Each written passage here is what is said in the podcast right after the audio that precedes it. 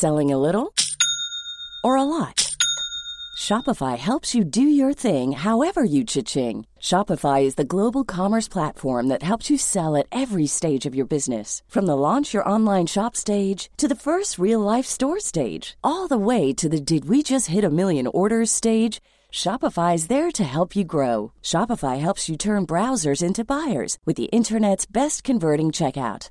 36% better on average compared to other leading commerce platforms because businesses that grow grow with Shopify. Get a $1 per month trial period at shopify.com/work. shopify.com/work. There's never been a faster or easier way to start your weight loss journey than with PlushCare. PlushCare accepts most insurance plans and gives you online access to board-certified physicians who can prescribe FDA-approved weight loss medications like Wigovi and Zepbound for those who qualify. Take charge of your health and speak with a board-certified physician about a weight loss plan that's right for you. Get started today at plushcare.com slash weight loss. That's plushcare.com slash weight loss. plushcare.com slash weight loss. One size fits all seemed like a good idea for clothes Nice dress. Uh, it's a it's a t-shirt. until you tried it on. Same goes for your healthcare. That's why United Healthcare offers a variety of flexible, budget friendly coverage for medical, vision, dental, and more. So, whether you're between jobs, coming off a parent's plan, or even missed open enrollment, you can find the plan that fits you best. Find out more about United Healthcare coverage at uh1.com. That's uh1.com. I can discuss some of the psychological aspects of the case. You've got to get a hold of yourself. Now look here, Johnson, I'm going to get to the bottom of this. I can discuss some of the psychological aspects of the case. And you're really crazy, you know that? Oh, yes, I remember that. Is this any concern of yours? Stop, stop, stop it now. I mean it. Ja, hei, det er psykolog Sondre Livre her. Diagnosen er dessverre svært alvorlig. Det viser seg at alt du tenker og føler er feil. Må for all del ikke stole på hjernen din, den lyver. Alt du opplever er filtrert via nevroser fra ubevisste avkroker. Hvis du følger nøye med, er det en liten mulighet for at jeg kan hjelpe deg. I can discuss some of the I can discuss some of the I can discuss some of the psychological aspects of the case. I'm just losing my mind, that's all.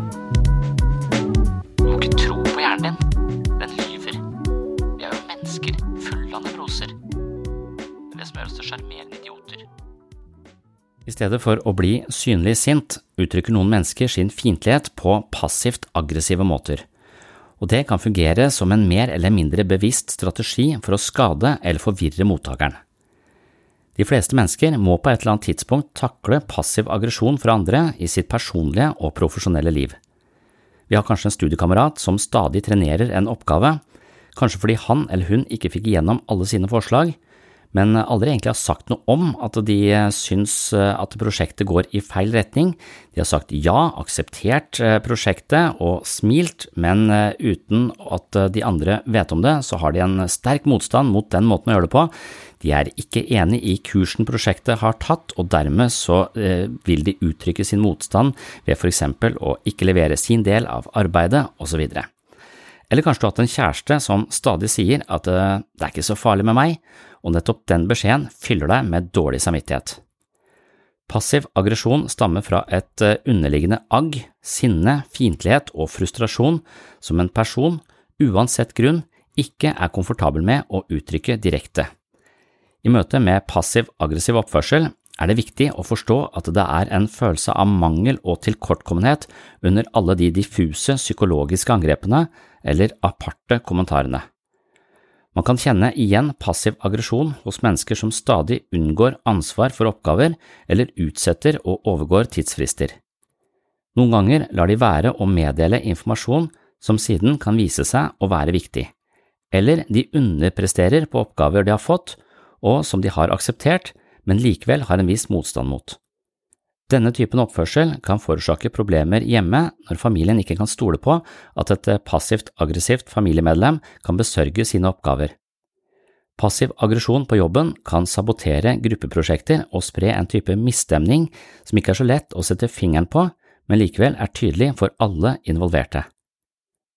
Passiv aggressiv oppførsel kan være intenst frustrerende for mottakeren fordi det er vanskelig å identifisere, vanskelig å bevise, og noen ganger er ikke engang den passivt aggressive personen klar over beveggrunnen i sin egen oppførsel.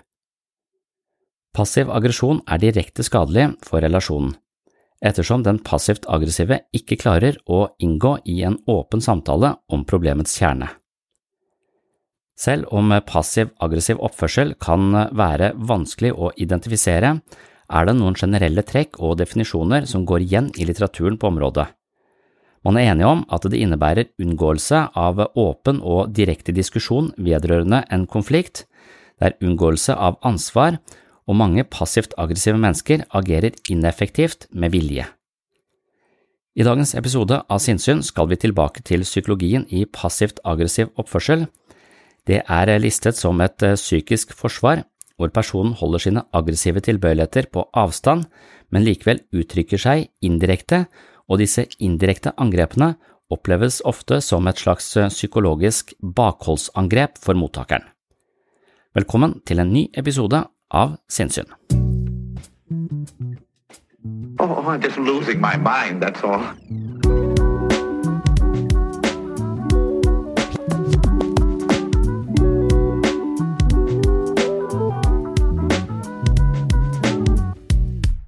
Passiv aggresjon er jo lista som en forsvarsmekanisme. Det er jo, ja, Vi vet hva det er, passiv aggresjon. Det er, liksom, det er jo å på en måte undergrave en del av følelseslivet sitt. Anse det som litt uakseptabelt, eller være litt sånn uavklart med det. Og Istedenfor å adressere den følelsen som er på spill, så uttrykker man den på en indirekte måte. Og da, når det gjelder passiv aggresjon, så er det jo da ofte de litt aggressive, selvhevdende følelsene som uttrykkes indirekte. Og det kan oppfattes som en slags psykologisk bakholdsangrep, for det kommer jo litt skjult. Det er et slags stikk. Og så er det ofte i handling. Og det er det som jeg glemmer å, å tenke på. At én ting er eh, at du kan merke passiv aggresjon når, liksom, når du får det rett i ansiktet. Sånn ja, beklager at jeg spurte, da. Den, det var noen som sa det til meg i går. Ja, beklager at jeg spurte. Og det var tydelig at de var forbanna for at jeg ikke ville svare. Det var noen som ønsket en sånn oppskrift på hvordan de skulle endre seg, og så ville jeg ikke svare. Og så, så isteden så, så, er ja, beklager at jeg spurte, er jo ganske passivt aggressivt. Så det er ikke Det er litt sånn lett å Det er lett å se når du får det på den, på den måten. Det er vanskeligere å, å legge merke til når det, når det, kommer mer sånn ut i, i, handling.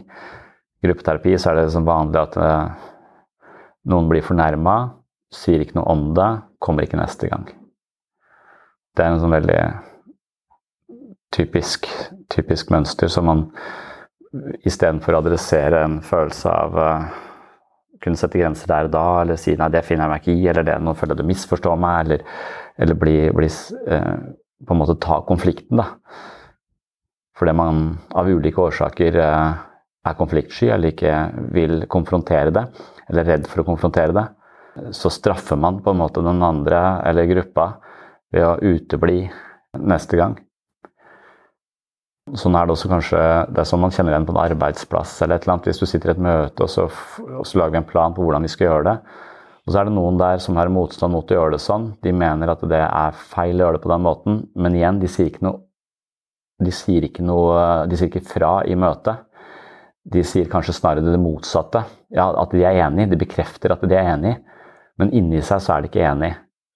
Og måten de uttrykker den motstanden på senere, er gjennom å prokrastinere, utsette ting, ikke holde deadliner. På en måte sabotere prosjektet, da. Så gjennom sabotasjen av planen så kommer motstanden til syne på en ganske fortsatt forholdsvis aktiv, da, men en passiv i den forstand at du, du, du ordet ikke din motstand i situasjonen. Det er litt vanskeligere etterrettelig, ikke sant. Så det å mer eller mindre prokrastinere med vilje kan være et uttrykk for eh, passiv aggresjon. Man vil ofte oppleve at de menneskene vil nekte for at de er frustrerte. Og hvis du prøver å konfrontere dem på Jeg syns det virker som om du misliker at jeg ber deg om å gjøre de tingene, f.eks. Så vil de Nei, nei, det spiller ingen, spiller ingen rolle. Det er helt, helt fint. Og så vil de eventuelt da bare slutte å kommunisere om det. Eller da trenere det de egentlig skal, skal gjøre.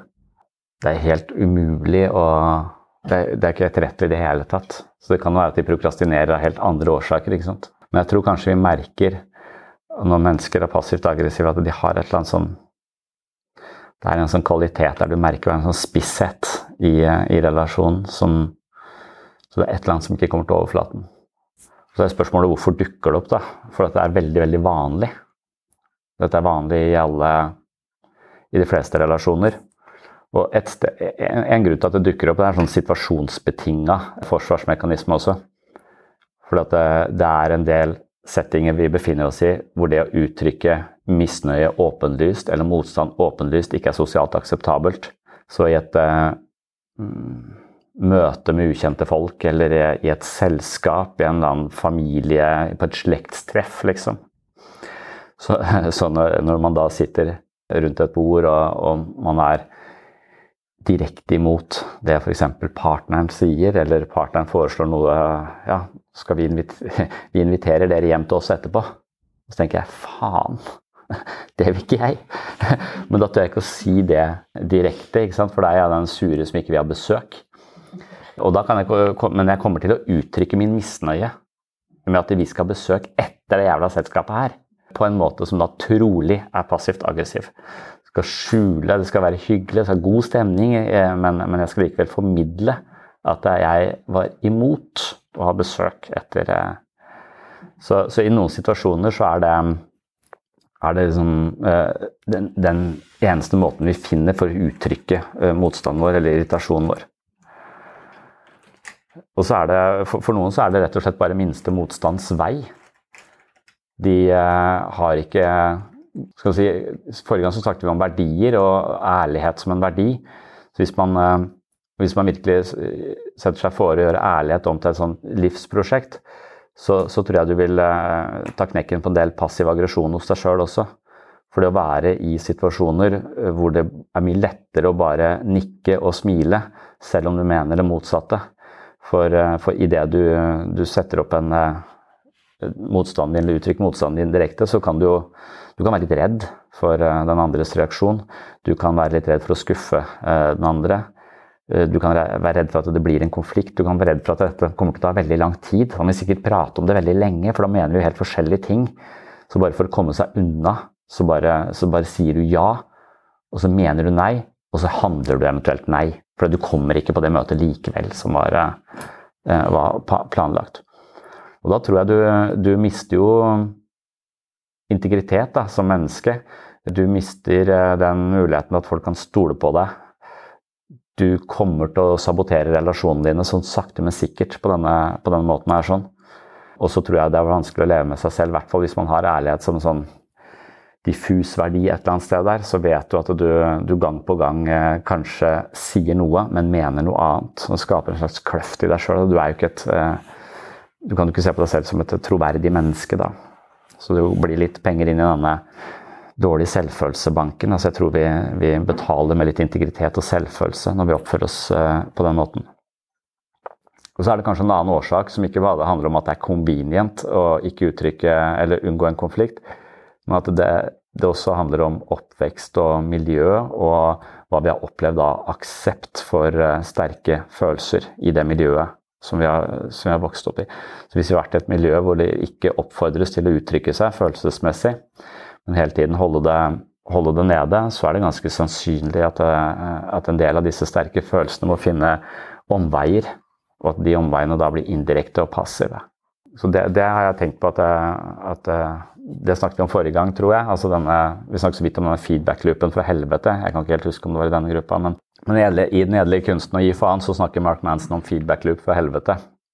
Og det er et, et interessant konsept. Er et veldig vanlig konsept. Det er et sånn metakognitivt uh, konsept om at det, vi, har jo følelser som et kompass. Og hvis vi har en, en god oppvekst, så lærer vi å forstå følelsene våre, vi blir speila på følelsene våre. Vi forstår at følelsene våre signaliserer noe om måten vi lever på. Så dette er et slags eh, verktøy til å bruke i å orientere seg i livet sitt. Så følelser er ikke dårlige eller, eh, eller bra. Følelser er følelser, følelser er signaler. Så ja, Vi har av og til sett på det som rød og grønn mann. Altså, rød mann er jo ikke en dårlig ting. Det hindrer deg å gå videre. Du må stoppe opp litt. Men så vil du jo få grønn mann på et eller annet tidspunkt. Sånn. Så vi, vi, anser ikke rød mann som, eh, som, noe vi helst skal unngå, eller prøve å ikke se på. Hvis vi ikke ser på rød mann, så blir vi påkjørt. Så, så det å ha følelser, hvis vi anser det som, som på en måte en, bare en del av oss, en, noe som vi skal orientere oss etter, så tror jeg ikke vi har så mye problem. Da er vi ganske i kontakt med følelsene våre, vi kan bruke de. Men med en gang vi begynner å anse at følelsene våre er uh, uhensiktsmessig eller feil eller ikke burde vært sånn, og at når vi føler oss triste, så, så, liker vi ikke å være triste, for det er ubehagelig, så vi blir trist over at vi er trist. Så det er denne metafølelsen, det er den tristheten over at vi er trist. Eller denne istedenfor å være redd og håndtere frykten, så er vi redde for å bli redde. Eller triste over at vi er redde. Så at vi, vi har en følelse for følelsen. Så vi har dømt følelsen fra et slags høyere nivå, noe som istedenfor å la følelser komme og gå og fungere som et kompass, så låser vi de fast i livet vårt. De blir kroniske, og det kaller Mark Manson for feedback loop fra helvete. Så det er ikke nødvendigvis følelsen vår er jo ikke problemet, det er følelsen vi har for følelsen. Eller tolkningen vi har av følelsen, eller fordømmelsen vi har av følelsen. Så jeg syns vi, vi oppfører oss som first case rasister mot våre egne følelser innimellom. Altså Vi dømmer dem på, på svært svakt grunnlag som feil eller dårlig eller eh, Og igjen fordi vi er for tett på dem. Vi identifiserer oss med dem som om de skal speile oss som mennesker, istedenfor at følelser er bare kompasskursen. liksom. Det, er bare, det blåser gjennom oss.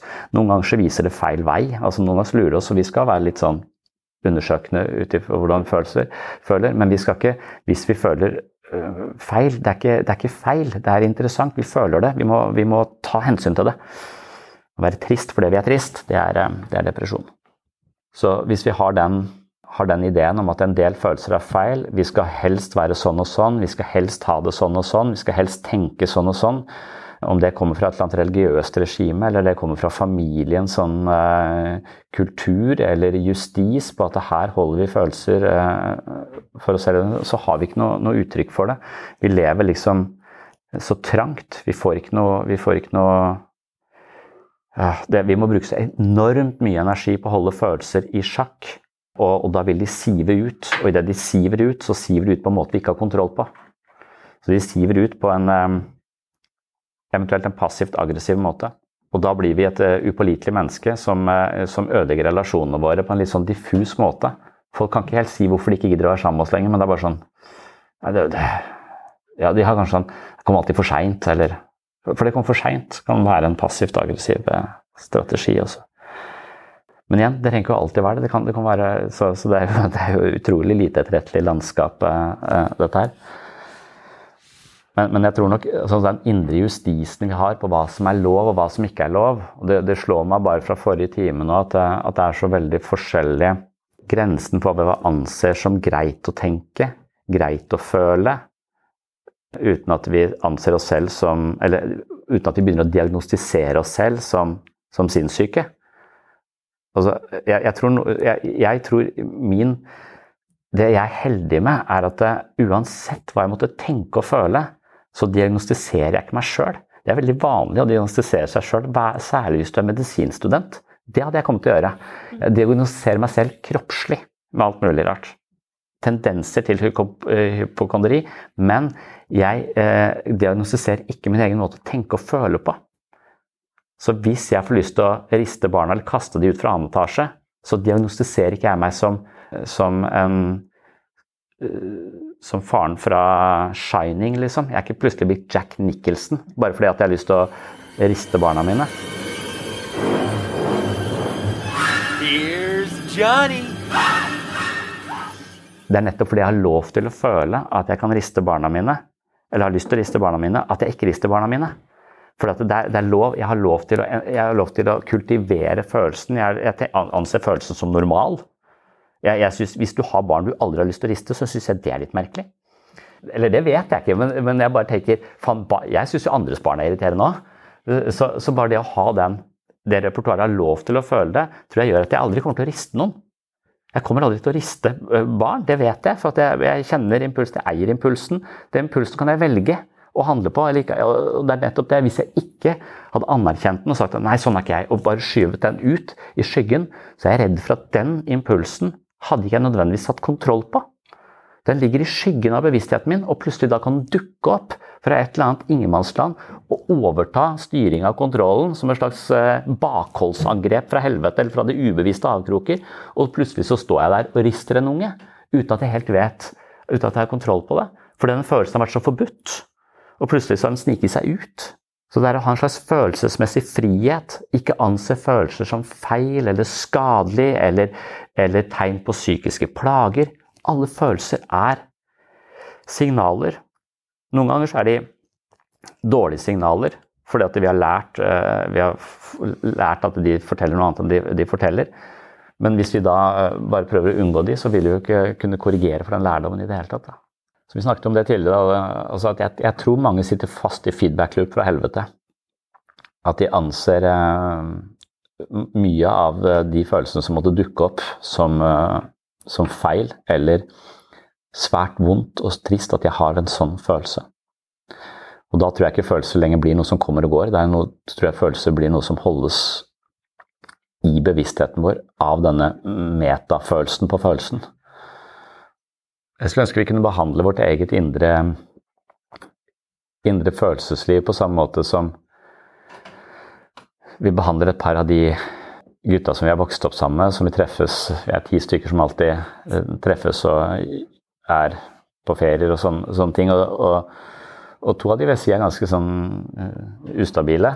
De kan være fryktelig sure, de kan bli fryktelig glad, de kan gjøre altså, men, men, vi har en slags raushet overfor det. altså nå, nå, er han bare sur. Nå er surna helt til. Uh, og så bare venter vi.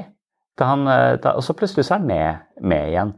Så det, vi har ikke noe sånn eh, Det er ingen slags det er en slags aksept for at, det, at det, plutselig så er, så er, han litt ute. Han er sur, eller han plutselig så driver han bjeffer til alle. Og så, ja, ja, så kan vi bjeffe tilbake, men det er ikke noe sånn Det er en slags aksept for at eh, vi har kjent han så lenge, og vi vet at han eh, kan reagere litt sånn og sånn. Og, og, og jo mer vi aksepterer det, jo mindre kommer disse upassende reaksjonene også.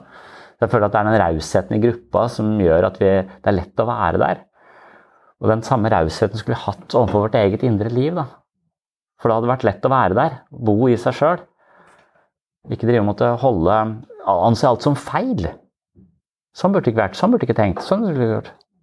Det er det motsatte av en forskerholdning. da.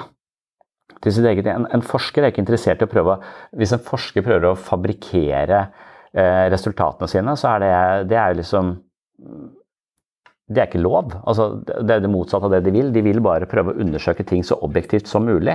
Og da må ting bare få lov til å være. Hvis det driver og tukler med, med det jeg forsker med for å få et bestemt resultat, så er jo det juks. Altså, forskere skal bare undersøke ting helt Jeg er nysgjerrig på hvordan funker dette. For å, for å funke det så må jeg minst mulig tråkke oppi det. Jeg må bare se på det. Og la det få lov til å ut, utfolde seg. En aksept av det som er, en nysgjerrighet på det som er. Den holdningen til vårt eget eh, indre liv ville være ganske sunn. Da ville vi lært masse, vi ville sett masse. Og, og, vi ville akseptert ting som er sånn som det er. Det er en mindfulness-holdning. da, altså. Aksepter ting sånn som de er, ikke prøve hele tiden forandre, forandre noe.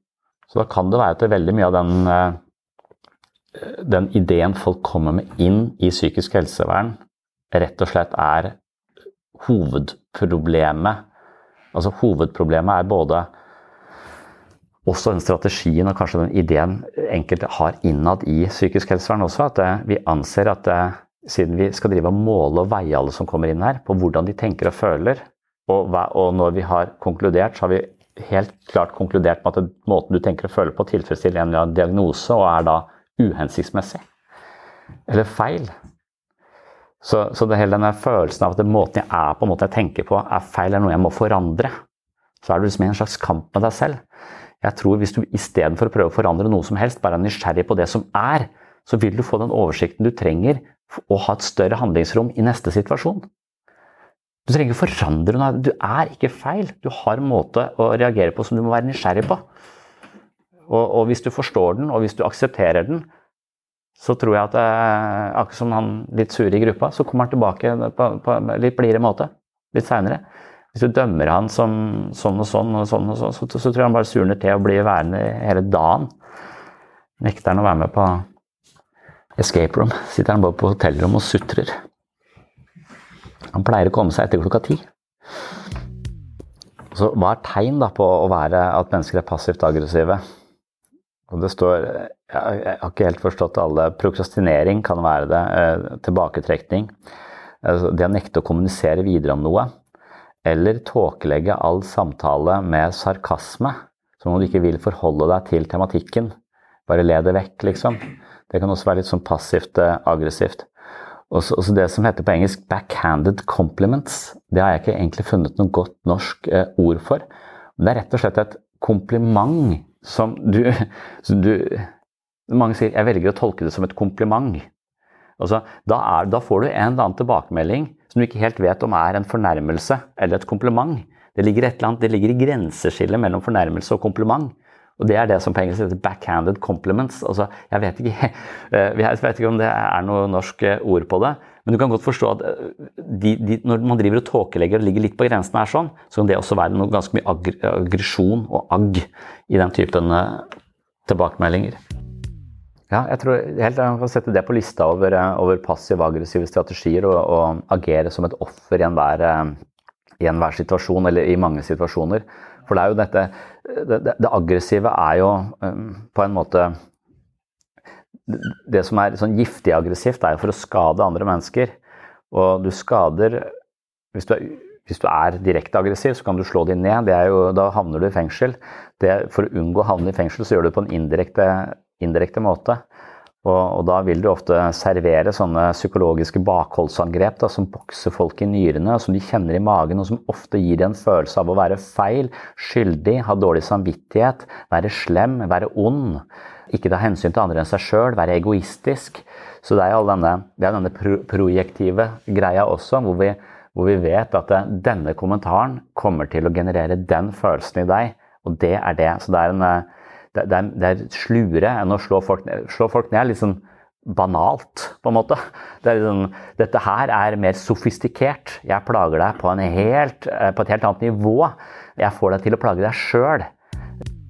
Jeg har også tenkt litt på det, litt i tråd med det du, du, sier. Men jeg tror ikke man nødvendigvis kan si det. Altså, vi har nesten 30 forskjellige forsvarsstrategier. Så det kan godt være at du, du på en eller annen måte beholder den passive aggresjonen selv og er passivt aggressivt mot deg selv. At du ler litt av deg selv, at du er ironisk eh, mot deg selv. Du hele tiden rakker litt ned på deg selv. Sånn type klassens klovn kan kanskje være å være delvis passivt aggressiv mot, mot, seg selv. Og så har jeg tenkt på at for Hvis det er sånn at hvis du ikke er i kontakt med sinnet ditt, så vil du automatisk være passivt aggressiv. Det, det er ikke min erfaring at folk, eh, folk som jeg anser som totalt mangler selvhevdelse og ikke er i kontakt med sinnet sitt, sier at de aldri blir eh, sinte, er selvutslettende, som vi har snakket om tidligere, de er ikke nødvendigvis passivt aggressive. Så, så jeg tror ikke, det, tror ikke, at du jeg, jeg, tror du kan også vende det sinnet direkte innover, og at du aldri vender det vender, For det er jo retningen på sinnet her. Det passivt aggressive når det kommer mot noen andre, det er fordi du retter det utover. Det siver ut. Men, men hvis du overhodet ikke kan sette grenser utover, og, og det, du blir sånn forstoppa med aggresjon inni deg selv, så er det veldig mange som bare vender det direkte mot seg selv. Og det mener jeg også er kanskje dynamikken i en del selvmord. At jeg, at jeg er så forbanna på meg sjøl at jeg dreper meg sjøl. Så istedenfor å anerkjenne at jeg har lyst til å riste barna, så er den impulsen også forbudt. Og du, ikke, du er rett og slett ikke i kontakt med sinnet ditt. Jeg er aldri sint, men jeg skøyt meg sjøl. Det er jo jævlig aggressivt, tenker jeg. Så, så det, det, på en måte kulminerer i en et veldig så, det, så, du ikke nødvendigvis trenger å være den, der, den syrlige personen som, du, som andre liksom er sånn usikker på, for det kommer sånne små stikk her og der. Det er ikke min opplevelse av folk som er selvutslettende. At, de, at jeg opplever dem ikke som passivt eh, aggressive, eh, egentlig. Så jeg tror ikke det er noen automatikk i at hvis du ikke klarer å uttrykke sinnet ditt, at du blir passivt aggressiv. Jeg tror det er masse andre uh, forsvarsstrategier som også kan være med å demme opp for, uh, for den typen følelsesmessig forstoppelse, da, som jeg vil si i forhold til de aggressive følelsene. Men de er et sted. De, de, de gjør en eller annen ugagn. De, de, resulterer i et eller annet symptom.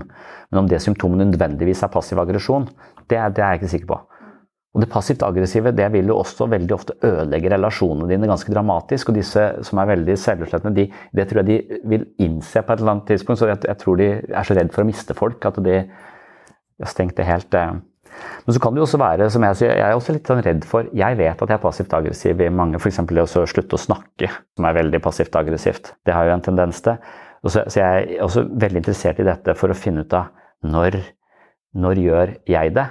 For i den grad du ikke er i kontakt med ditt eget sinne, så gjør du det nesten uten at du veit det, liksom. Så, så, så, det er jo det sånn der Å være oppriktig og ærlig handler om å avkode nettopp disse dynamikkene hos seg sjøl. Når er jeg det uten at jeg veit det? Du kan si en og samme ting fra ti forskjellige ståsteder, så det er jo hele tiden hvor, hvor det du uttrykker er forankra hen. Hvis det er forankra en form for kjærlighet, som det kan være i noen vennegjenger og sånn, at at det også rakke ned på hverandre er en form for kjærlighetserklæring, så er det et slags språk som, som man ikke vil føle treffer en noe særlig. Og så kan jo det, det, den samme kommentaren komme fra et, fra et, sted som er eh, mye mer eh, mørkt og hatefullt. Så det er vel akkurat den hvor, hvor ting kommer fra. Jeg, jeg, må si at noe av, noe av, det jeg opplever som Det er på en måte aktivt aggressivt, men jeg syns at, eh, at internett også har kanaler som eh, er en slags eh, oppgulp av masse menneskers voldsomme passiv aggressivitet. Folk som ikke kanskje møter så mange, sitter inne og hamrer løs på dette tastaturet. Og så når de konfronteres med det Nei, det er bare for gøy. Nei, det er bare spøk. Det er bare litt rar humor. Nei, du er faen meg sinnssyk psyko... Det er, bare, det er så aggressivt, det er så jævlig, det er så mørkt. Det er så ondt. Det som du klarer å lire av deg disse kanalene, lager ei suppe av av eh, Ja, det, det, er liksom Det er virkelig å marinere passiv aggressivitet i et svært fora som finnes som 4chan, sånne, sånne, steder som bare er eh, er gjennomsyra av folk som, som er bitre forbanna, men ikke uttrykker det direkte. Men, men nå funnet at internett har blitt en ny kanal da, for, eh, for kultivering av det passivt aggressive i, ehm, som da ofte blir voldsomt aggressivt også i de, i de kanalene. For det er jo alle sin tyngde av det passivt aggressive kommer ja, ja, for 4chan var, var sånn for, forløper. altså det der eh, Q som de snakker om, QAnon, denne, denne konspirasjonsteoriene, mange av disse som eh, Hvor kommer det fra, hvem er det? Altså det er et, eh, et oppgulp av folks frustrasjoner, og så finner man ansikter å sette dette på. så ja, det, er, det, er, noen sånne subkulturer på, på, nett som jeg mener er ganske giftige. Og som nærmest kultiverer denne formen for, eh, for Jeg vil si det er passivt aggressivt, for det er ikke direkte aggressivt, men det er såpass fiendtlig og jævlig at det Du kan nesten få sånn uh, jeg, jeg, får sånn, jeg, får sånn, Black Mirror-følelse av å, å, være på et sånt, et sånt, sted. Så jeg oppsøker ikke de stedene selv, men, jeg, men når jeg ser dokumentarer fra det, så får jeg en sånn kald, eh, hatsk følelse.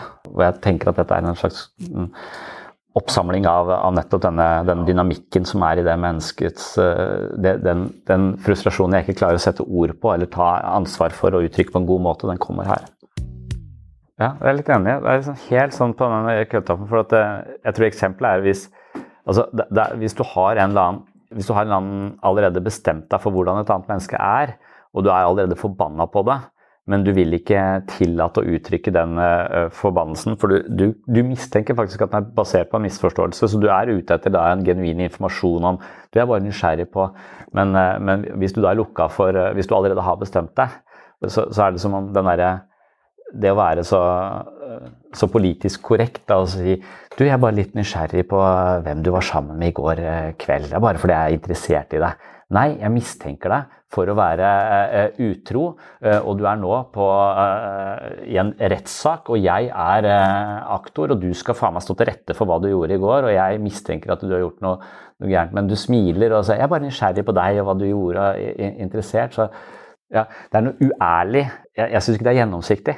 jeg, jeg, tror du får en følelse at det er et eller annet, et eller annet falskt her, at, det, at jeg er anklaga for noe. Men du smiler, så jeg blir sånn forvirra. Jeg føler meg anklaga samtidig som du virker veldig interessert og nysgjerrig. Og den der dobbeltkommunikasjonen der sånn.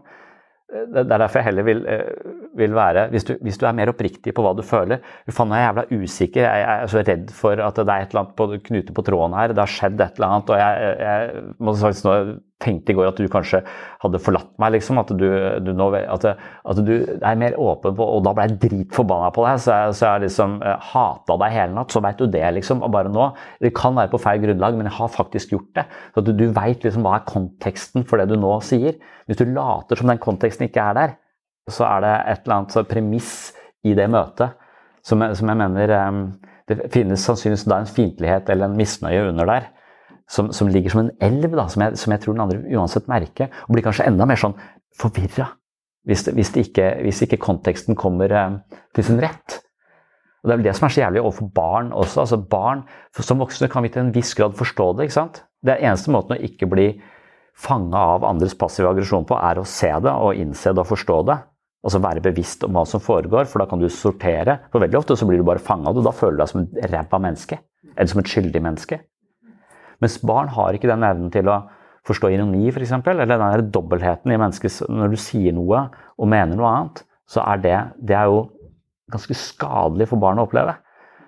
Du, du får en lav mental Det er fryktelig vanskelig å avkode eh, doble beskjeder. Sarkasme, liksom. Eller, eller ironi. Og da han Bateson mente at det førte til schizofreni, da. Selv om den teorien er dementert, så kan du forstå dynamikken i at du blir så jævlig forvirra på hvem er jeg nå? Du smiler til meg, men tennene dine er sammen, så det virker som du både er forbanna og glad i meg.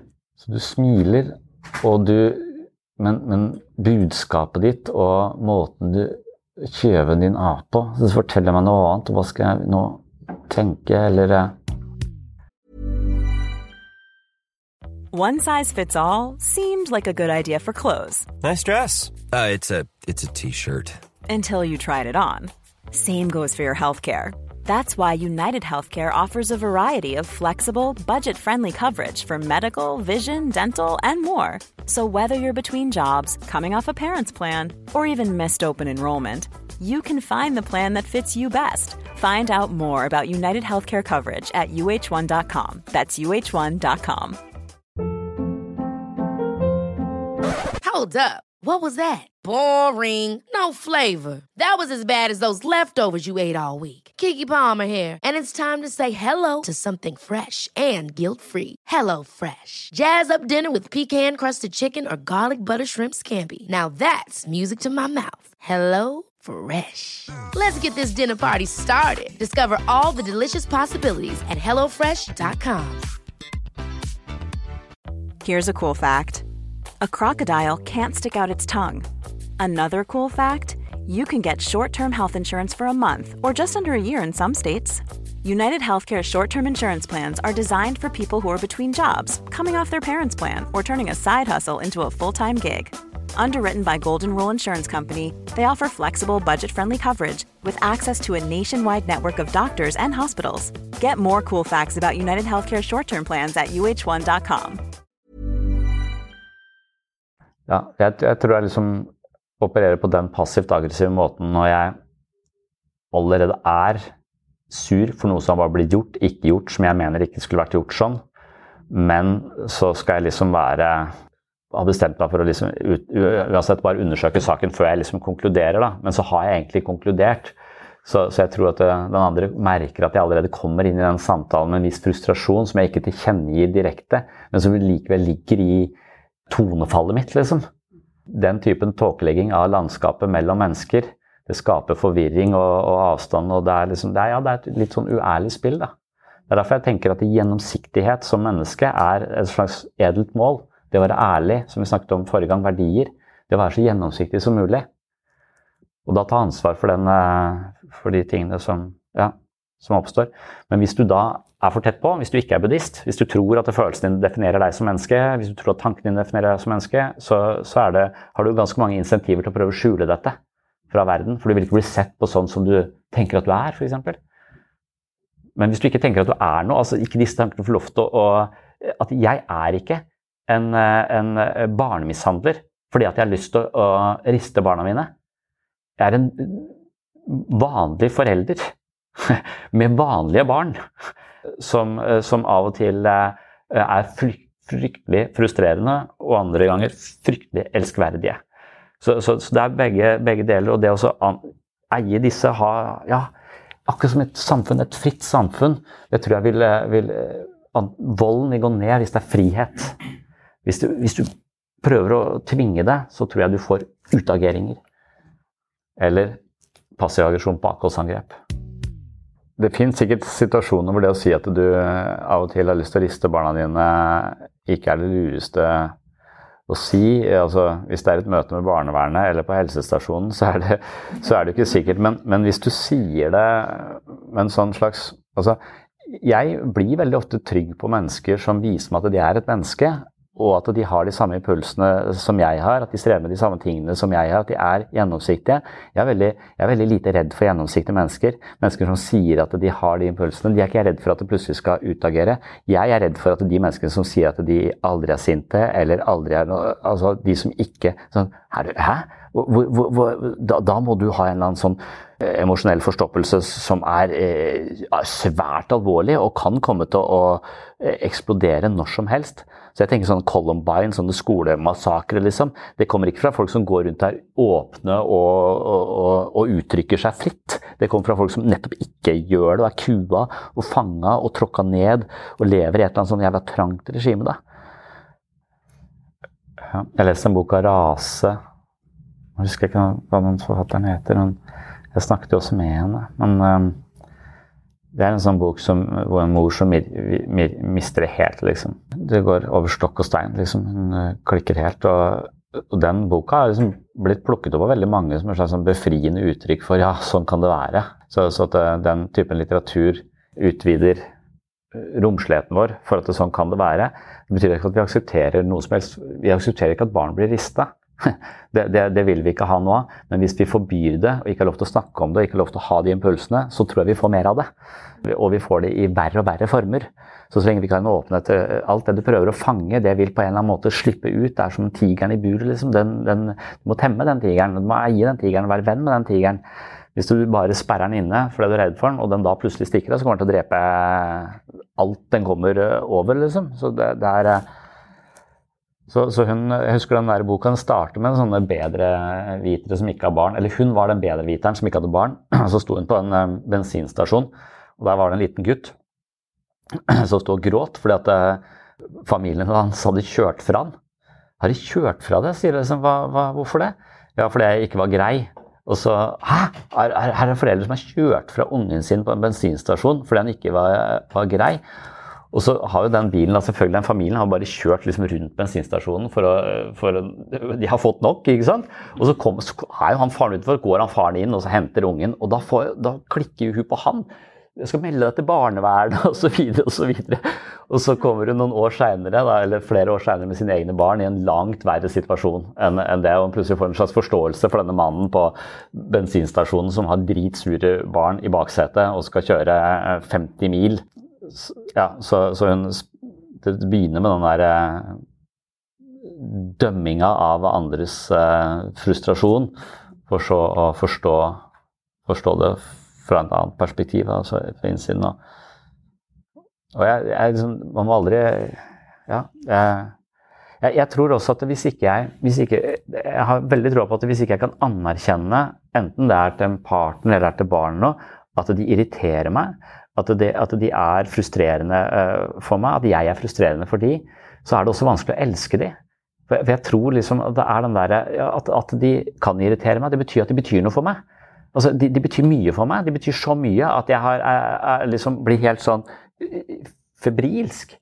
Og, og, og hvis jeg ikke anerkjenner det, så, så, tror jeg heller ikke jeg, jeg, jeg tror jeg legger lokk på en, en, type følelse for det. Jeg kan ikke bare velge å elske de og ikke ha det andre. Altså, da, da blir det også et eller annet lokk på det. da.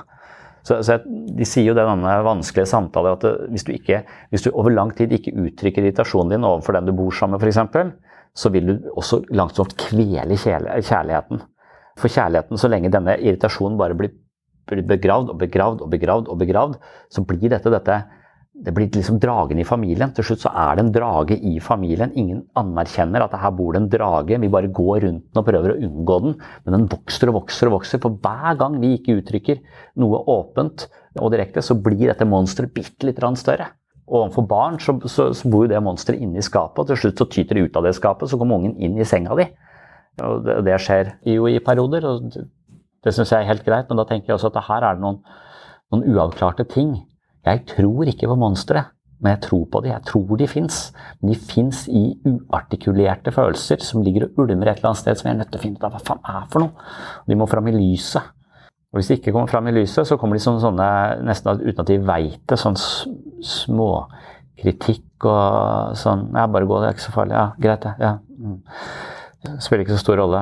Ja da, nei, det går helt fint for meg, det. Ja, jeg kan bare Altså, den typen snakk er passivt aggressiv. Den er misfornøyd, men den vil ikke liksom den vil, være, den vil gi den andre dårlig samvittighet. Jeg sier det er greit, men du veit at det ikke er greit. Måten jeg sier det på er så ugreit at du skal gå ut den døra der og på ut med venninnene dine med så dårlig følelse i magen at du ikke får noe ut av den eh, kafébesøket, eller hva faen det skal være. da. For idealisering det er jo som å sette folk på en slags pidestall, og den sentrert rundt splitting også, at du ser ikke nyansene i det andre mennesket. Du velger bare å fokusere på de bra tingene, og du, du får ikke noe helhetsbilde av den andre personen. For du har liksom ikke råd til at den er, har også dårlige sider, for da vil du på en måte ikke Du, du trenger sånne utelukkende gode eh, objektrelasjoner, da, som det heter. Så, så jeg har ikke nødvendigvis tenkt på det i forhold til passiv aggresjon, men jeg har tenkt på det motsatte av det. Det er jo devaluering. Eller, eller det å alltid være negativ. Og Det er også et slags forsvar. Negativitet er et forsvar, eller det kalles devaluering når det, når det listes som et forsvar. Og Det er også en sånn type mennesker som jeg får en sånn følelse av Om det ikke er passivt aggressivt, så er det denne kroniske tendensen til å strippe alt for verdi.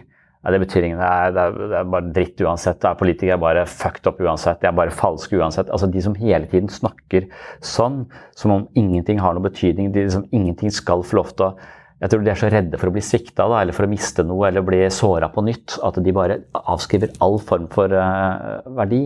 Det føler jeg altså er noe ganske Altså det er slekta på passiv aggresjon. Og i hvert fall så blir jeg litt sånn oppgitt og negativ. og liksom, Jeg tar det til meg. Jeg kan bli liksom matt rundt mennesker som bare er negative. Og så skjønner jeg det som et slags forsvar da, mot å bli såra på nytt. Så lenge ting ikke har noe betydning for meg, så kan det heller ikke såre meg. Og da er jeg Supermann. Men ingenting har noen verdi heller, så jeg, så jeg er jo kronisk deprimert og langt nede. Ja, jeg har det faktisk lettere med å være devaluert enn eh, en eh, idealisert. Selv altså, det der, Jeg blir lett fanget av sånne idealisering som om jeg må leve opp til noe. ja. Eh, og at den der motivasjonen til å tape den anseelsen er verre for meg enn å bare i utgangspunktet bli sett på som dårlig. Eller da, da føler jeg mer som det er lettere å være underdog i posisjonen. Kan jeg eventuelt overraske positivt. Da Det er en mulighet, det. Mens eh, hvis de har satt meg her, så er jeg Åh, nå skal jeg snart falle. Jeg gruer meg til fallet. Når jeg allerede har falt, så er jeg ferdig med fallet. Da, da, da kan jeg jo bare Det jo, kan bare bli bedre. Men jeg, men jeg har faktisk, når du sier det, så har jeg opplevd det. Jeg har hatt en, en, slags sånn semikamerat som har gjort det der. altså han, han er, Jeg vet ikke om det er passivt aggressivt, men det er en måte å Ja, det er. Det er en måte å sette meg ut på. Det er en veldig sånn subtil variant av det i så fall. Altså det å skryte uhemma av noen. Man bare sånn Nei, så fin bukse! Faen, den var altså Bare fortsatte og fortsatte og fortsatte Og snakke om det. Du blir stående der som en fireåring med ny bukse. Uh, hva faen, Hvordan skal jeg forholde meg til at Kan du slutte å skryte snart? Liksom, dette her er jo helt Du kan ikke si det heller. Men det er en slags skryteovergrep foran andre mennesker. Hvor du blir denne uh, første dag på skolen med altfor stor sekk, og så står der og blir skrytt av. Du må prøve å takke så godt du kan, og så kommer du deg ikke ut av den situasjonen. Så, hva faen er det du driver med? Du kunne jo dette det, det er nesten det slemmeste noen har gjort mot meg på lenge, tenkte jeg. Å skryte så mye av sånne, sånne ting. Jeg har aldri helt forstått hva, hvorfor han gjorde det, eller hva det var for noe. Jeg er sånn halvpsykopat, tenkte jeg når han holdt på med det der. Ja, for Den passivt aggressive vil jo utgangspunktet nekte å være åpen om de egentlige følelsene sine. Så det er jo den derre hele tiden eh, Det å dekke over hva man egentlig føler, selv om det likevel skinner igjennom, det er det som er Og, og, og det, er veldig, det dukker veldig ofte opp når mennesker blir bedt om å gjøre noe eller, eller, kommer i en situasjon hvor de blir lagt noe ansvar på, da, da er det det ofte dukker opp. og Hvis de ikke klarer å si nei eller sette grenser der og da, så vil de ofte trenere det eller, eller på en eller annen måte. Så det, det, handler ofte om når man får en type, type ansvar. Men så, så, lenge man ikke vil være emosjonelt åpen om, om det, så, så, vil det liksom forhindre enhver form for sånn kommunikasjon. Og da kan man jo prøve å si til personen da Det virker som om når jeg ber deg om disse tingene, at du egentlig blir ganske sint på meg. Og da er jo spørsmålet Hvis personen da nekter totalt for det, så tror jeg ikke det er noe vits i å hamre mer på den døra. Kanskje personen bare blir enda mer sint av det. Da tror jeg kanskje man bare skal trekke seg unna og vente til vedkommende har liksom løst dette på, på egen hånd.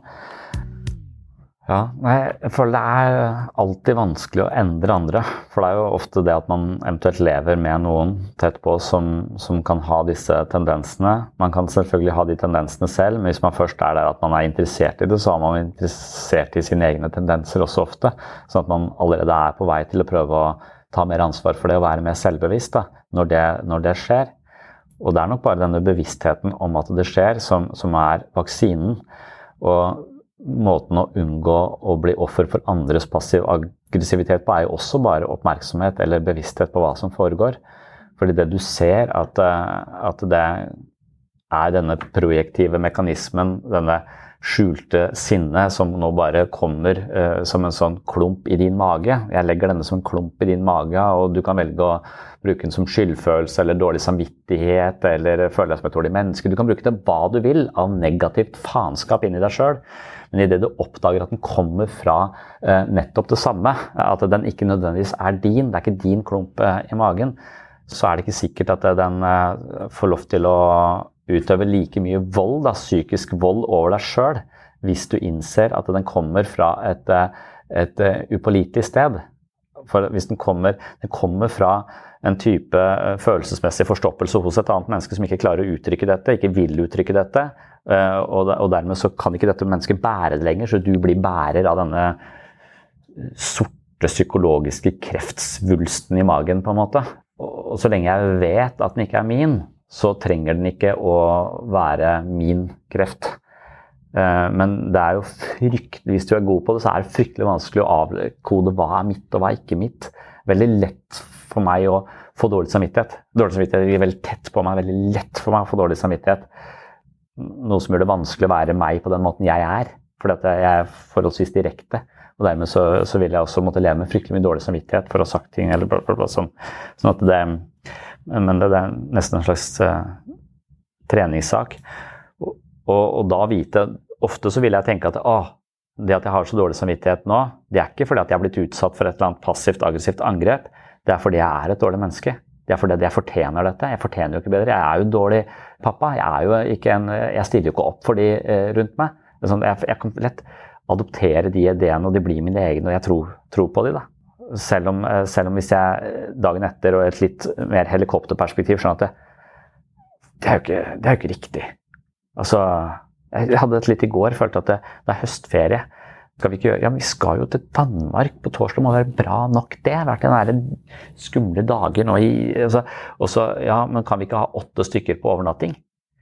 Jo, vi, vi, vi, vi må vel det, siden altså, føler bare grenser med Og de presser på de grensene mine. altså ja, ja, jeg er vel et dårlig menneske hvis ikke vi har åtte stykker på overnatting. Da er jeg vel en, en ræva pappa. Jeg er jo ikke det! Faen, det er ingen av de andre rundt her som har åtte stykker på overnatting. Altså, jeg ble lurt inn i noen dynamikker der hvor jeg lett overtar den uh, Du får ikke et klart bilde av situasjonen da, når du blir uh, overrumpla. Og da, da, å gi seg selv den pausen og tenke og, og, og sortere ut og ikke ligge og dårlig samvittighet hele natta for du, du, var den som sa nei til det. Og barn er ikke nødvendigvis så, så passivt aggressive. De er veldig flinke til å presse gjennom ting.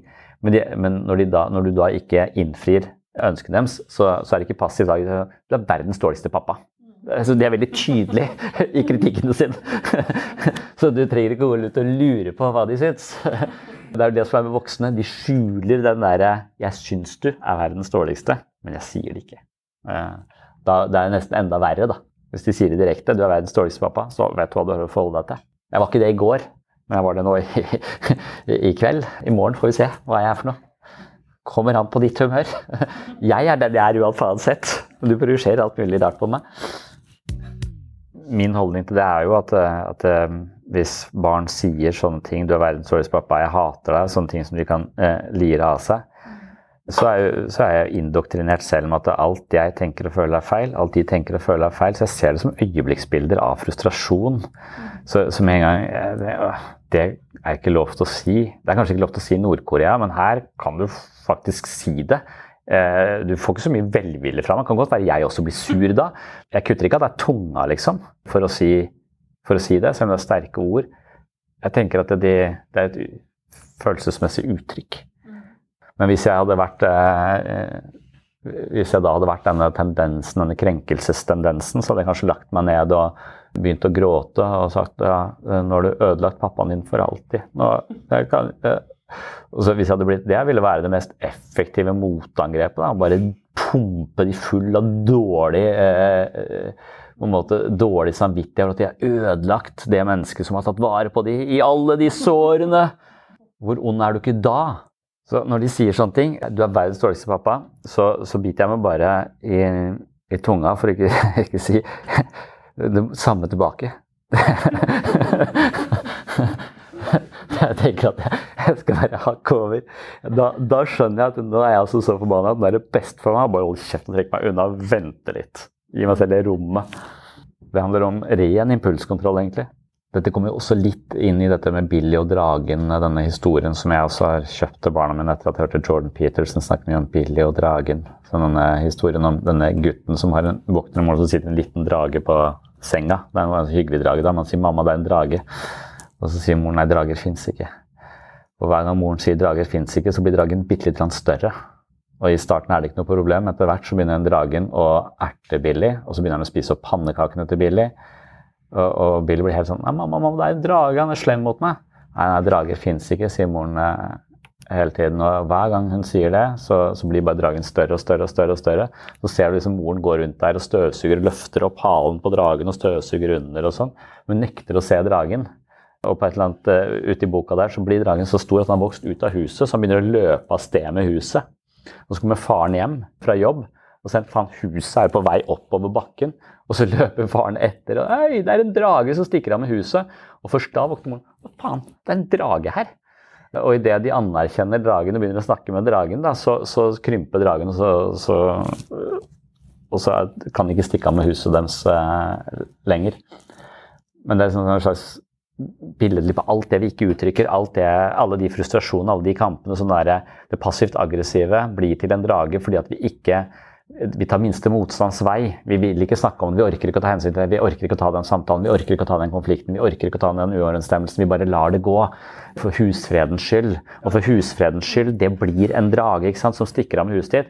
Og, og, og det er jo faktisk altså, hvis du, hvis du, ikke tar opp den frustrasjonen med partneren din over lang tid, eller har de samtalene fordi det er tunge å ha, og det er lett å bare la være å se på Netflix isteden, men hver gang du unngår det, så vil du på et eller annet tidspunkt komme hjem, så passer ikke nøkkelen så har det blitt kasta ut, eller, eller, hun har flytta. Eller, eller det, huset forsvinner, ikke så bokstavelig. Det er ikke en drage som stikker av med det, men det er huset for, for, forsvinner. og Jeg har opplevd det der. Unnvikelse, altså. Eh, det, jeg opplevde det, for jeg hadde sånn eh, Jeg nekta å prøve Jeg ville helst ikke bli voksen, så derfor så åpna jeg ikke konvolutt med vindu. Altså Alle konvolutt med vindu det følte jeg var et eller annet faenskap som jeg måtte administrere livet mitt. Så det lot jeg bare ligge på en hylle når jeg studerte i Danmark. Så tenkte jeg det får jeg ta seinere. Og den hylla ble bare større og større. Og til slutt da så kommer du hjem til leiligheten din, og så passer ikke nøkkelen. For da har de bare rett og slett bare skifta lås. Og da har du ikke noe sted å bo. Dragene stikker av med den jævla leiligheten. Eh, den er jo der, men det er jo pga. unnvikelse over veldig lang tid og det å nekte å ta ansvar for livet sitt som gjør at ting går, eh, ting går til helvete. Så historien om Billy er liksom eh, en veldig sånn tydelig Det er veldig metaforisk sant, da. Og en fin måte å snakke med barn om at eh, jeg tror den dragen egentlig er ting som de burde ha snakka om, eller uh, ting som Billy føler som ikke han får sagt, eller uh, ja. Hvis vi ikke sier det, så, så, vokser, så flytter inn drager. Vi har monstre i skapet igjen nå pga. Dyreparkens skumle dager. har jeg inntrykk av. Det er jo ingen som sover igjennom nå pga. disse monstrene som løper etter oss ute i, ute i Dyreparken der. Blir stressa det. Takk for følget. Takk for at du hører på sinnssyn. Som du sikkert vet, hvis du har hørt på sinnssyn før, så kan du få tilgang til masse ekstramateriale fra denne podkasten, masse ekstra episoder, bøkene mine i lydbokversjon, videomateriale fra foredrag osv. osv., og det kan du få tilgang på ved å tegne et abonnement på patron.com for sinnssyn. På Patron har jeg det jeg kaller et mentalt treningsstudio. Der poster jeg også øvelser som er myntet på å styrke våre mentale muskler og sette teorien ut i praksis. Så hvis du finner verdi her på podkasten, har lyst til å støtte prosjektet og har lyst til å ha masse mer materiale fra sinnssyn, så kan du altså tegne et abonnement på patron.com for segs sinnssyn. Det håper jeg du gjør, for det er uh, lyttere som eh, støtter meg via Patron, som sørger for at uh, jeg kan prioritere dette prosjektet her hver eneste uke, og som sagt millioner av ganger, det har jeg ikke sagt millioner av ganger, jeg har sagt det hundrevis av ganger, det setter jeg utrolig stor pris på. Det er virkelig gøy for meg at det er mulig å å jobbe såpass mye med denne podkasten som det jeg nå har muligheten til å gjøre med støtte fra Patron-lyttere. Så tusen hjertelig takk for det, og på gjenhør! Oh, I'm just losing my mind, that's all. I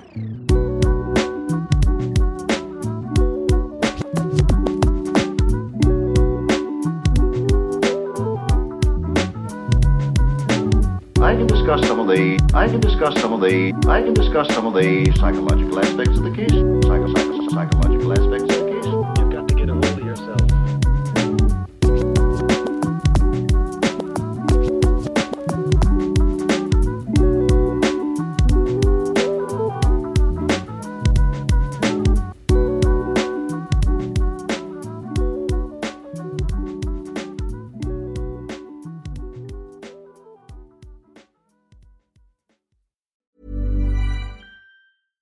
Hey, it's Paige DeSorbo from Giggly Squad. High quality fashion without the price tag. Say hello to Quince. I'm snagging high-end essentials like cozy cashmere sweaters, sleek leather jackets, fine jewelry, and so much more. With Quince being 50 to 80% less than similar brands. And they partner with factories that prioritize safe, ethical, and responsible manufacturing. I love that. Luxury quality within reach. Go to quince.com slash style to get free shipping and 365 day returns on your next order. Quince.com slash style. Ever catch yourself eating the same flavorless dinner three days in a row? Dreaming of something better? Well, HelloFresh is your guilt-free dream come true, baby. It's me, Kiki Palmer. Let's wake up those taste buds with hot, juicy pecan-crusted chicken or garlic butter shrimp scampi. Mm. Hello Fresh. Stop dreaming of all the delicious possibilities and dig in at HelloFresh.com. Let's get this dinner party started. Imagine the softest sheets you've ever felt. Now imagine them getting even softer over time. That's what you'll feel with Bowl and Branch's organic cotton sheets. In a recent customer survey, 96% replied that Bowl and Branch sheets get softer with every wash. Start getting your best night's sleep in these sheets that get softer and softer for years to come. Try their sheets with a 30-night guarantee. Plus, get 15% off your first order at bowlandbranch.com. Code BUTTERY. Exclusions apply. See site for details.